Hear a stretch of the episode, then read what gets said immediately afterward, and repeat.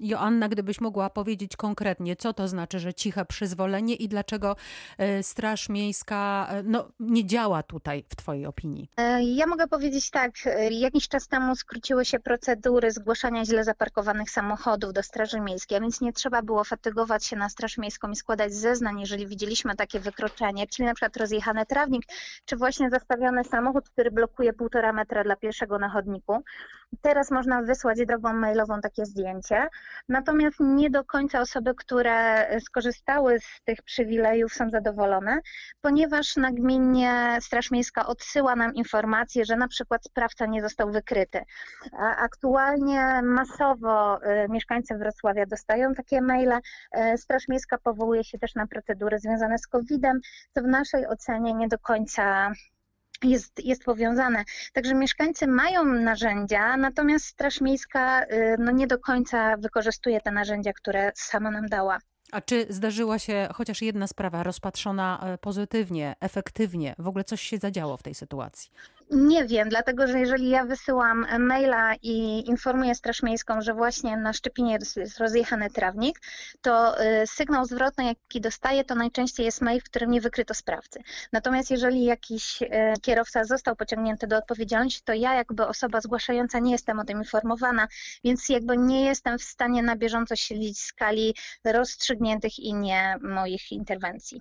Mówicie o Straży Miejskiej. Kto jeszcze według Was, oprócz Straży Miejskiej, mógłby się w to zaangażować e, i pomóc rozwiązać problem? Myślę, że mieszkańcy miasta przede wszystkim, parkując z wyobraźnią. Ale na to trzeba czasu. Szukacie jeszcze jakichś partnerów, na przykład e, z Urzędu Miasta, na przykład zarządców osiedli?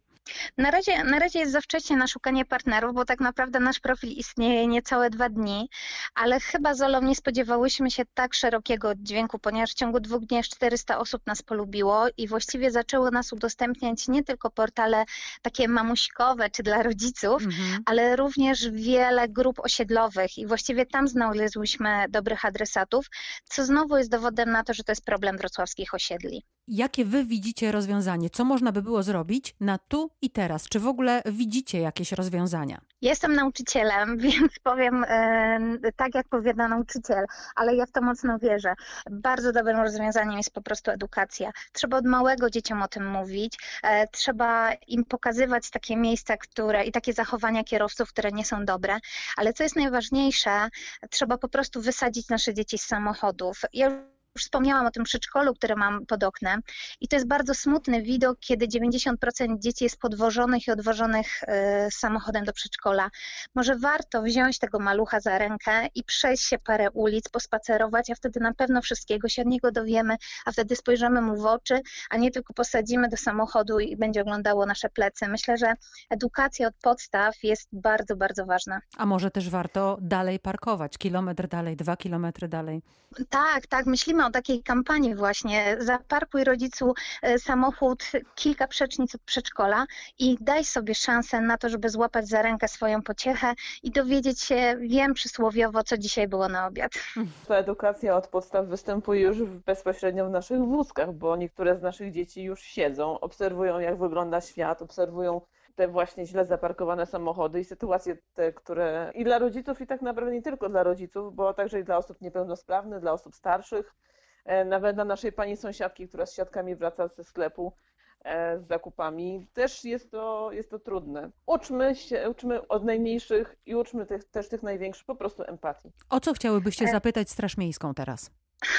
To trudne pytanie.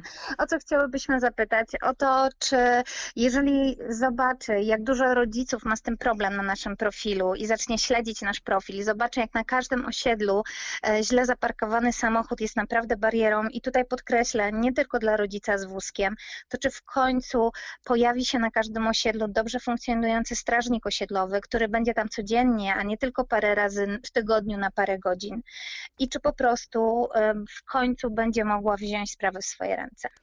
Bardzo Wam dziękuję i czekam na pierwsze efekty Waszych e, działań. Mam nadzieję, że podzielicie się nimi z Radiem Wrocław. Jasne, pozdrawiamy. Joanna Klima i Aleksandra Żuk, aktywistki, mieszkanki e, Szczepina we Wrocławiu i twórczynie takiego profilu na Facebooku, który nazywa się Z wózkiem po Wrocławiu.